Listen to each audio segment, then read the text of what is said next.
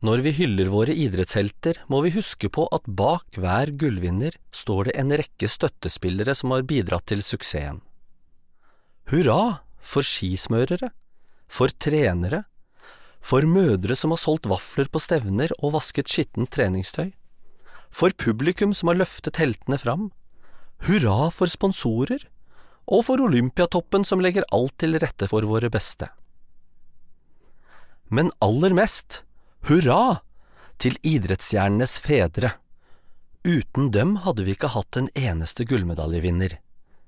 Noen av dem er også blitt kjent på grunn av sitt engasjement. I fremste rekke står Finn Aamodt, som ikke bare pisket fram sin egen sønn Kjetil André til eventyrlig suksess, men en hel generasjon alpinstjerner. Når Petter Northug jr. håvet inn gull, var pappa John aldri langt unna med gliset sitt, fremdeles blågrønn mellom tennene etter å ha tygd egne Swix-blandinger til barna sine i årtier. Å skape en idrettshelt av barnet sitt krever et enormt arbeid. Som engasjert pappa må du jobbe med ungen din helt fra bleiestadiet. Ja, noen fedre har også hatt vellykkede eksperimenter med å spille Ja, vi elsker ganske mange ganger for ungene sine mens de var i sin mors mage. Når barna står på egne bein, begynner det virkelige arbeidet. Da er det på med alpinskiene, inn i støvler som rekker opp til bleien, og bare slippe dem ut i bakkene. Norske skibakker er full av småunger som suser friskt rett ned i bakkene. Det er jo lettere enn å svinge. Det er når de bråstopper, i en dam av blod, tårer og urin, og vil hjem til mamma, at utfordringene begynner. Det er da far skal motivere barnet med lokkemidler som pølser og sjokolade, avbrutt av skrik og kjefting når han mister tålmodigheten. En porsjon ravende galskap er en viktig egenskap hvis du skal lykkes som pådyttende far.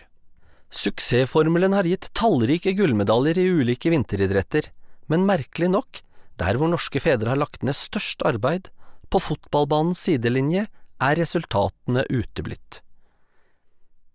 Til tross for alt fedrene har kjempet, og mødrene har grått, for sine fotballsparkende unger, kan Norge fremdeles ikke vifte med noe annet enn bronse i OL i 1936.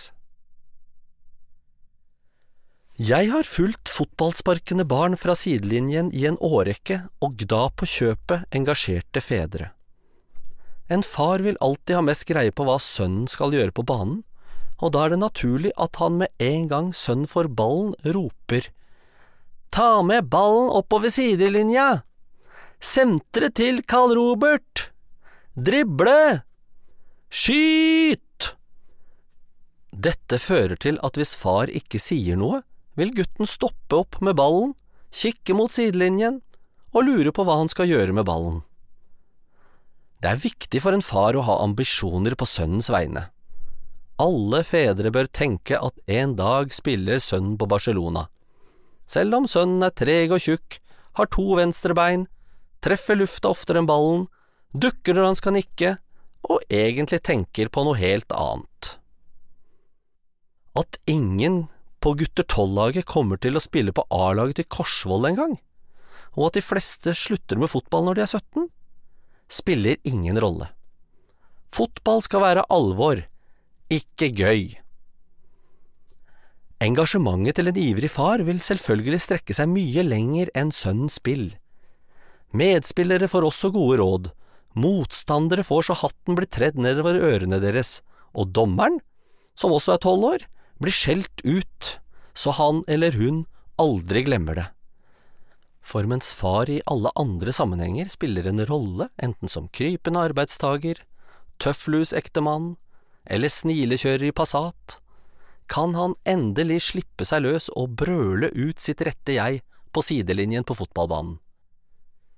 Og selv om 999 av 1000 barn bukker under for presset og får idrett i vrangstrupen istedenfor en medalje rundt halsen, kan vi glede oss over den ene som klarte det, takket være far. Én en ener er ikke nok til et fotballag, men nok til mye gull og moro på løpebanen. Hurra for far!